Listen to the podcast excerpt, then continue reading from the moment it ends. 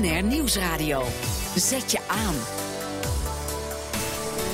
BNR Eye Openers. Lenzen kunnen nu echt op maat. Nooit meer wachten bij de incheckbalie en een supersonische laserscanauto die alles op de weg ziet wat wij niet zien.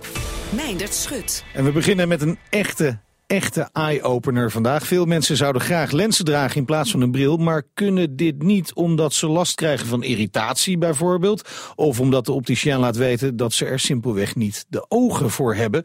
Maar dat argument gaat een stuk minder vaak op nu er een gloednieuwe meettechniek beschikbaar is. Arnoud Snapvanger van Eaglet Eye.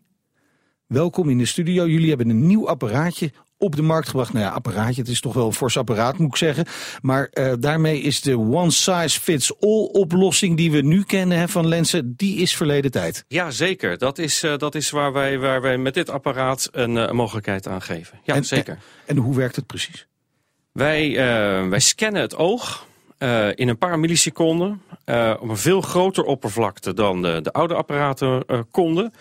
En uh, we meten dus het volledige oppervlakte dat bestreken wordt door de contactlenzen. En daarmee ben je dus in staat als uh, contactlensspecialist om, uh, om veel sneller, veel preciezer te passen. Ja, maar ik, ik, je hebt helaas het apparaat niet mee kunnen nemen, want ze zijn allemaal in gebruik. Zo goed gaat het, zouden we kunnen ja, zeggen. Ja. Dat, ja. er is kennelijk veel vraag naar, maar als we het even beschrijven. ja, het is een instrument wat je zou kunnen verwachten bij de opticien. Maar als je het vergelijkt met de oude meetapparatuur... en met al die ringetjes en knopjes eraan... dan is dit veel simpeler zoals het eruit ziet. Ja, dat is het zeker. Het, uh, het, het heeft wel iets van een, uh, van een ruimteschip. Dus ja. het, het, heeft ook echt, uh, hè, ook bij, bij klanten van in, in de optiekwinkel heeft het echt wel, brengt het iets teweeg. Iets Bewust van een wow zo ontworpen? Absoluut. Okay. zeker. Op aangestuurd. Want het staat uiteindelijk staat het daar in een winkel. Um, het, het, je hebt, je hebt als, als contactlensspecialist maar een heel kort moment om die meting te maken en de patiënt of de klant mee te nemen in die, in die lensbeslissing. Oké, okay, en, en waarom is dit apparaat nou zo ontzettend veel beter dan de technieken die we voorhanden hebben? Oudere technieken die kunnen maar een heel klein deel van het, uh, van het op, oppervlak uh, meten. Dat is het, uh, wat ze noemen de cornea, dat is dat gebied dat boven de iris zit. En, en wij meten daar ver, ver buiten. En we zijn de enige apparaat waarmee je dus niet hoeft te extrapoleren. En volledig kan meten wat het oogoppervlakte is. Oké, okay, maar je zegt oudere technieken, maar eerlijk is eerlijk, deze techniek is niet helemaal nieuw. Hè? Die is al in de jaren negentig bedacht. Dit is helemaal waar. Een uh, uitvinding aan de Universiteit van Maastricht. En uh, midden jaren negentig, uh, Frans Jongsma, die, die heeft als eerste het eerste prototype gebouwd. En hoe reageerde hij op het feit dat jullie nu met dit apparaat komen? Ja, kijk, uh, we, hebben, we hebben twee weken geleden nog uh, een, uh, een avond met hem gehad. En fantastische avond. Hij, ja, hij is nu echt op leeftijd, 76 jaar. maar hij vindt het natuurlijk fantastisch dat dit apparaat nu echt op de markt is. Ja, maar, maar toch kennelijk is dit beter dan dat prototype uit de jaren 90. Anders was het er al lang geweest. Kan me zo voorstellen, waarin verschilt het precies van dat prototype een van de belangrijkste dingen die wij hebben toegevoegd... is dat we het aanzienlijk hebben. Het ongeveer meer dan de, minder dan de helft zo groot gemaakt. En, uh, en daarmee is het echt een tafelmodel geworden en, en handzaam en echt gebruikbaar op, op industrieel niveau. Ja, maar eigenlijk kun je het overal mee naartoe nemen, hè, dit apparaat. Ja, precies. Je kunt het overal, ja. kunt bij mensen thuis komen in feite, op de tafel neerzetten. Gaat u rustig zitten mevrouw, we meten even uw ogen. We hebben een speciale koffer en die, uh, die neem ik mee in het vliegtuig. Okay. Nou begreep ik ook dat het prototype met wc-rollen was gemaakt. Frans Jongsma heeft de allereerste, ja. die heeft, die heeft echt de, de, de optische toeters in het apparaat. Die had hij inderdaad met, uh, met, met de huls van, uh, van wc-rollen gemaakt. En, uh, maar hij deed het wel. Hij dus, deed het wel, maar ja. die wc-rollen die zitten er niet meer in achter dat mooie design. Ja, die hebben we dus vervangen. die, die ja, hebben jullie wel vervangen. Um, is het nou eigenlijk zo dat heel veel mensen op dit moment met niet geschikte lenzen rondlopen eigenlijk? Dat is zeker het geval. Um, je, dat, dat, en dat uitzicht dan in mensen die aan het eind van de dag vaak iets van rode ogen hebben, lichte irritatie, of gewoon uh, uiteindelijk uitvallen. Hè? Stoppen met het lenzen dragen. Ja, die pakken de bril weer. Die pakken de bril weer, ja. En dat komt allemaal omdat die lens niet goed past? Nou, er zijn heel veel verschillende oorzaken, maar een slecht passende lens is één van de factoren die daartoe bijdraagt. En, uh, en wij willen die factor dus volledig uit de wereld helpen. En uh, oké, dus die, dat is die ene factor, want uh, andere zaken lost het eigenlijk niet op. Nou ja, kijk, er, is, er, is, er kan een bepaalde gevoeligheid zijn voor een schoonmaakvloeistof. Hè, ehm, ja, ja. eh, het dragen van lenzen voor, voor, dat is noodzakelijk dat je die wel schoonmaakt. Als je dat niet doet, ja, dan krijg je ook wel last. Hè, dus er, zijn, er zijn wat verschillende factoren. Maar slecht zittende lenzen is een, is een, is een belangrijke bijdragende En, factor. en nu is er dus ook hoop voor al die mensen die eh, normaal gesproken met de huidige technieken die we kennen te horen krijgen, ja, u heeft eigenlijk geen geschikte ogen voor lenzen. Zeker. En eh, als je nou kunt al die mensen helpen? Wij kunnen een heel belangrijk deel van deze mensen helpen. Dat doen wij niet alleen. Hè. Wij, wij, wij doen het oogmeetwerk. We hebben natuurlijk eh, de, een hele goede sector van de, van de, de, de contactlensspecialisten. Maar daarnaast zijn er ook de contactlensfabrikanten... die met hulp eigenlijk van al die extra data die ons apparaat maakt... nu ook bezig zijn om slimmere lenzen te maken. Betere designs. Betere designs. Dus het is, het is niet alleen de klant die ervan gaat profiteren, maar ook producenten van lenzen. Precies. Oké, en eh, dan vraag ik altijd bij dit soort technieken, want vaak zie je met dit soort nieuwe technieken, eh, die worden dan op één sector gebruikt, maar er zijn eigenlijk nog wel meer toepassingen. Ziet u die ook al? We zijn op een aantal vlakken bezig. Onze, onze focus op dit moment is, is, is wel heel erg voor, voor contactlenzen. Want daar is uh, de vraag die wij beantwoorden is het duidelijkst. Maar we zijn op een aantal andere vlakken bezig. Onder andere op het gebied van virtual reality. Dat mag u wat meer uitleggen. Um, virtual reality, uh, een van de, van de, het digitaliseren van het menselijk lichaam uh, is, in, is, in, is een heel ver gevorderde uh, ja. toestand op dit moment. Het, het, het element waar ze het meeste problemen mee hebben, is het menselijk oog. Dat staat vaak toch als een, als een, als een glazen knikker in, in, in, in, het, in, het, in het hoofd. En, en wij zijn bezig om daar, om daar oplossingen voor aan te dragen. Ja, u blijft daar nog een beetje vaag over, merk ja, ik. Maar dit is nog in ontwikkeling. Heel dus experimenteel dus. Maar ja, even, even, even ja. de basis van waar, waar u dan over denkt. Hè. Die, die software voor virtual reality wordt gemaakt op basis gewoon van uh, normale ogen, zullen we maar zeggen. Ja, nou, het, het, hangt een beetje vanaf op, op, op welk niveau dat is. Kijk, en, um, als je echt naar de Hollywood-industrie gaat... dan worden ogen op dit moment grotendeels uh, hand ingekleurd. En dat ja. is dus een enorm werk, zeer kostbaar. En, en uiteindelijk is het resultaat natuurlijk uitstekend. Want uh, de hoeveelheid uh, CGI in, in Hollywoodfilms is gigantisch. Ja. Alleen, kan dat sneller, kan het slimmer. Daar zijn we mee bezig. En dat bespaart geld uiteindelijk. Ja, ja precies. Goed. Heel veel succes met uh, dit apparaat. Uh, ik hoop dat u heel veel mensen gaat helpen met uh, mooie lenzen. Ik ben er zelf nog niet aan toe in elk geval. Maar wel de 40 al gepasseerd. Dus dat leesbrilletje. Gaat u daar ook nog iets voor verzinnen? Uh, ja, multifocale lenzen zijn, okay. uh, zijn absoluut ook een onderdeel van het hele, hele palet aan, uh, aan lenzen dat, dat mensen helpt om beter te zien. Kijk, de toekomst is dichtbij. Hartelijk dank voor de komst naar de studio. Arnoud Snepwanger van Eaglet Eye. BNR Eye Openers. Waar de landmeter vroeger meter voor meter de wegen onderzocht, rijdt er sinds kort een scanauto rond die nauwkeuriger dan al zijn concurrenten tot in de kleinste details de omgeving in kaart brengt. En dat met 120 kilometer per uur. Verslaggever Elvenie Toulaar die trof bedenker Joost Assendelft in de parkeergarage. Je gaat nu in de auto. Ja. Dan rijden we naar buiten. Uh, en buiten gaan we even kijken, zal ik je even laten zien hoe alles werkt. Ja. Joost Assendelft van Advin, um, terwijl de auto, de scanauto achter ons opstart en zo de parkeergarage uit komt lopen, wij alvast naar buiten. Wat scant deze auto nou allemaal precies? Deze auto die scant heel nauwkeurig de omgeving in. Dus uh, de omgeving wordt vastgelegd met allemaal laserpuntjes. Met een miljoen punten per seconde worden deze metingen uitgevoerd. En het uiteindelijke resultaat is een puntenwolk. Wat kun je ermee? Uh, met de puntenwolk kan je dus allerlei uh, uh, ontwerpen gaan maken. En je kan de omgeving, hè, doordat de omgeving heel nauwkeurig in kaart is gebracht, kunnen we daar ja, analyses op uitvoeren. En de data die we verzamelen, de puntenwolk, gaan we omzetten naar informatie voor onze klanten. En daar komt hij aangereden. Mooie Volkswagen bestelwagen met een blauw kastje in de laadbak. En dat is where the magic happens. Ja. En nu de huif is nog dicht. Ja. Joost van der Gun drukt op een paar groene knoppen. Ja, voor de, de verschillende systemen in de huif de elektriciteit daarvoor aan te zetten. Mooie sloten eraf. Waardevolle apparatuur natuurlijk. Nou, ja. Wauw. Komt langzaam komt een soort uh, boom met allerlei scans uit de auto. Wordt omhoog, uh, komt omhoog gezoomd. Uh, Joost Assendelft, deze auto kan straks, gaan we zo doen, met uh, ik geloof tot 100 of 120 km per uur gewoon over de snelweg rijden. Hoe is dat mogelijk, dat hij zo snel scant? Ja, uh, het scannen dat is, dat is niet bijzonder, dat is de hardware, zeg maar. Maar het gaat om de dataopslag. Al die miljoenen puntjes die wij meten per seconde en de foto's die we maken... die worden op speciale computers die in de auto zijn gebouwd uh, weggeschreven. Supersnel? Ja, met hele snelle, met name harde schijven... om alle data uh, op tijd weg te kunnen schrijven. Ik kruip in de auto, wurm me om een computerscherm heen. Ja? Ja? Ja, dat lukt. Okay. Dank. En terwijl we een rondje door Hoofddorp rijden zien we op ons scherm... Oh, nou vloept het scherm weer weg. Een zwart scherm met gele puntjes. Ja, dat, dat, dat zijn de, de reflecties uh, ja, van, van, de omgeving. Ja. De bolletjes zijn de scanners. Uh, ja, je ziet dus een profiel. Dus aan de linkerkant de struik en de stoep.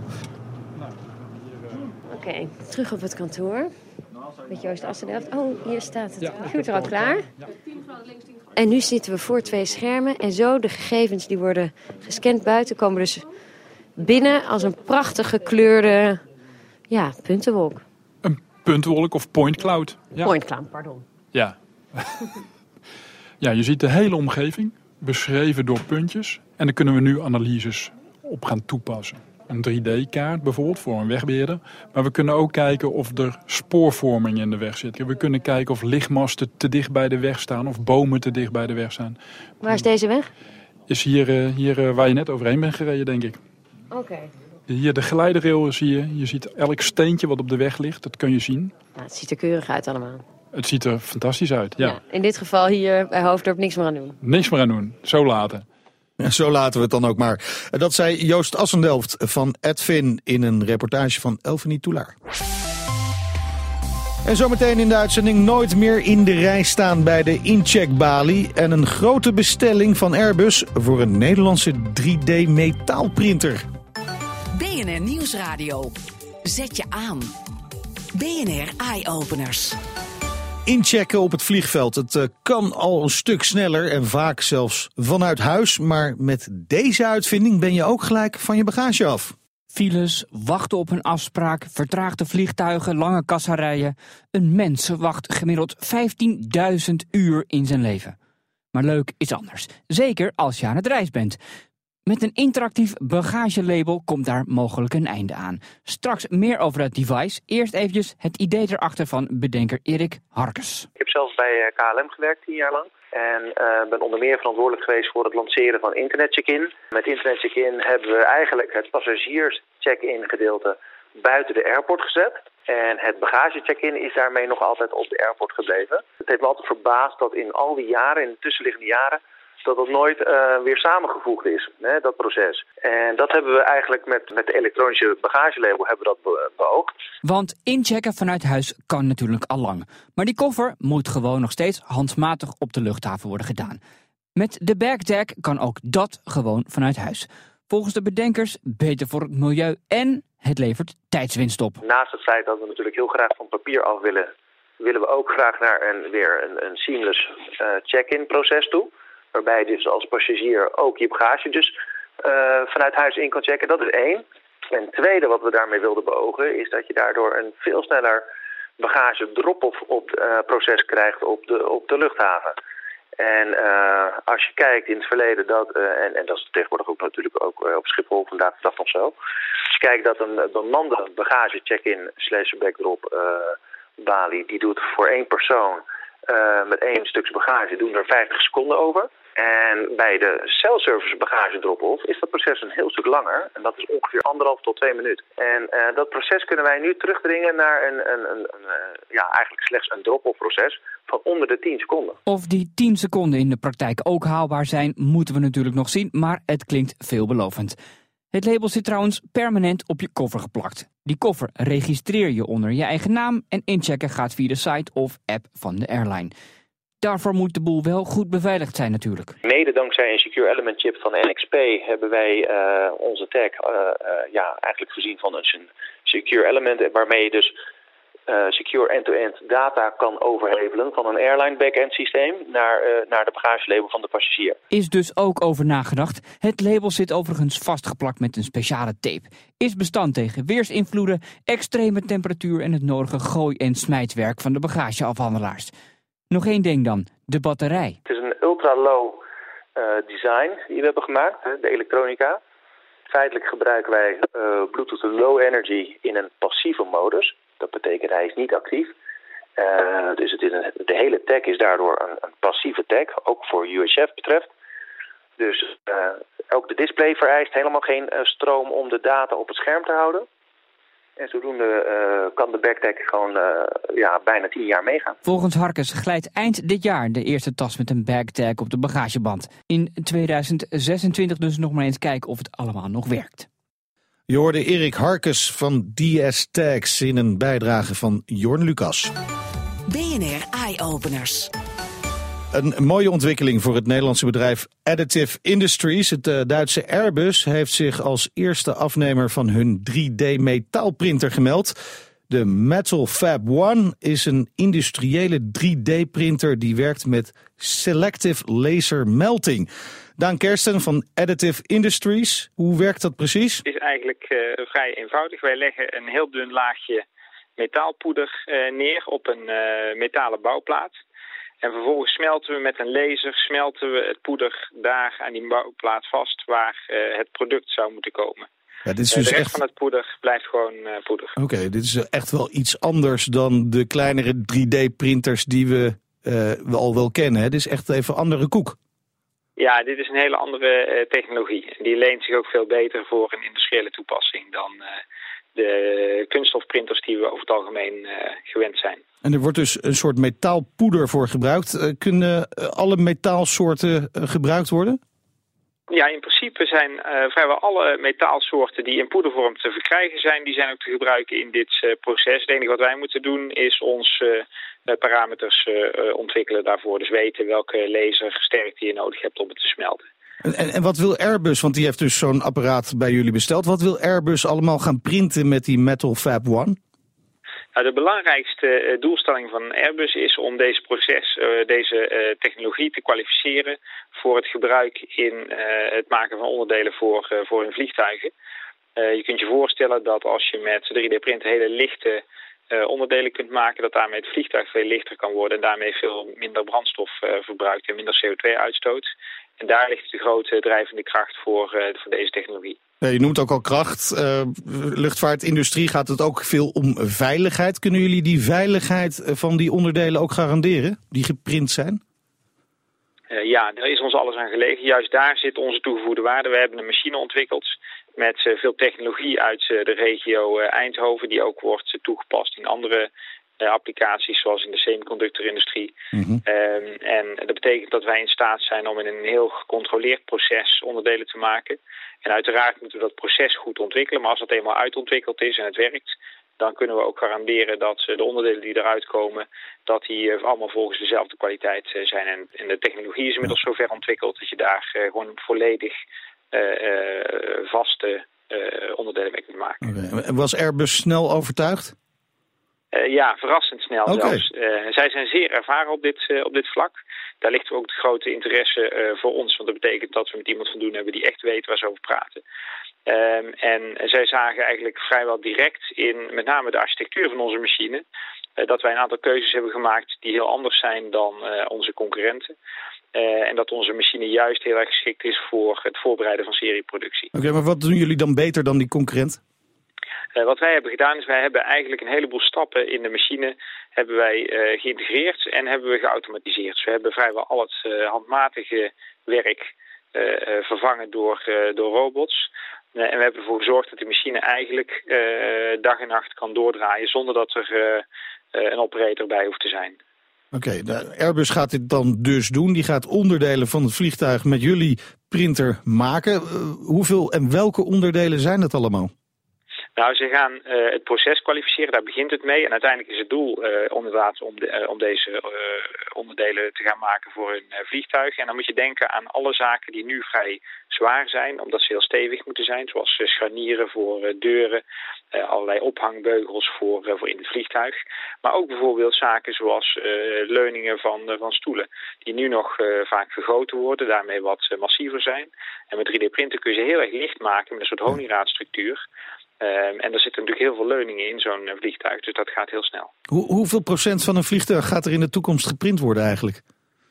Uh, ja, wij geloofden het eigenlijk niet toen we het de eerste keer hoorden, maar Airbus heeft aangegeven dat zij uh, verwachten dat in de toekomst, en dat is niet in de komende jaren, maar in de komende tientallen jaren, dat uh, het percentage geprinte onderdelen in het vliegtuig kan groeien tot de helft van de onderdelen. 50 procent? Dat is een enorm, ja, dat is een enorm aantal. Ja.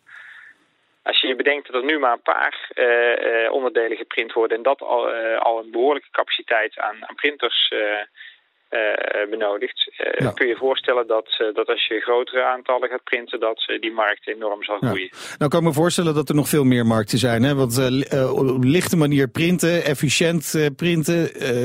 ik denk zomaar heel even aan de auto-industrie. Ja, dat is, dat is een terechte. we zijn ook met de automobielindustrie in gesprek... Uh, ook zij zien, uh, zien grote mogelijkheden. Dan moeten we nog wel een stap verder zetten. Want als de automobielindustrie ergens goed in is... dan is het in zeer kosteneffectief ja. uh, printen. Dat is in aerospace net iets minder belangrijk... omdat daar die gewichtsbesparing meer mag kosten. Maar in de automobielindustrie zien ze wel degelijk ook grote mogelijkheden. En wij zijn aan het kijken of we met een, een grote automobieltoeleverancier... Uh, ook in eenzelfde soort uh, traject kunnen gaan stappen. Ja. Nou, nou, wordt er veel gesproken over de circulaire uh, economie. gebruiken jullie ook recyclebaar metaal of gerecycled metaal om die onderdelen te printen? in principe recyclen wij zelfs het poeder in de machine. Okay. Want al het poeder wat je niet smelt, dat gebruiken wij weer gewoon voor de volgende bouwjob. En daarom is dit een hele meer vriendelijke technologie. En wij smelten alleen het materiaal wat we daadwerkelijk nodig hebben in het product. En al het andere materiaal, op een heel klein beetje verlies na, wordt gewoon weer, uh, weer hergebruikt. Dank Daan Kersten van Additive Industries. Ja, wat doet de rest van de wereld op innovatiegebied? Wat zijn de trends in het buitenland? Deze week vragen we het aan Erik van Kooi in Frankrijk. De Innovatiehub. Wat speelt er allemaal bij jou? Onlangs vond een, een staatsbezoek plaats van Nederland aan Frankrijk. Waarbij hun majesteiten de koning en koningin Parijs bezochten. En parallel aan dat staatsbezoek werd een economische missie georganiseerd. Met als doel de uh, goede economische relaties tussen beide landen te bevestigen en te versterken. Uh, Nederland en Frankrijk zijn belangrijke partners op economisch gebied. Frankrijk is voor Nederland de derde afzetmarkt en de zesde toeleverancier. Wij exporteren als Nederland voor meer dan 35 miljard per jaar naar Frankrijk. En omgekeerd importeren we uh, meer dan 18 miljard uit Frankrijk. En dan gaat het natuurlijk om allerlei uh, producten. Maar ook als je kijkt naar de investeringen tussen beide landen... Uh, dan zie je dat behoorlijk wat bedrijven uit het ene land in het andere land hebben geïnvesteerd.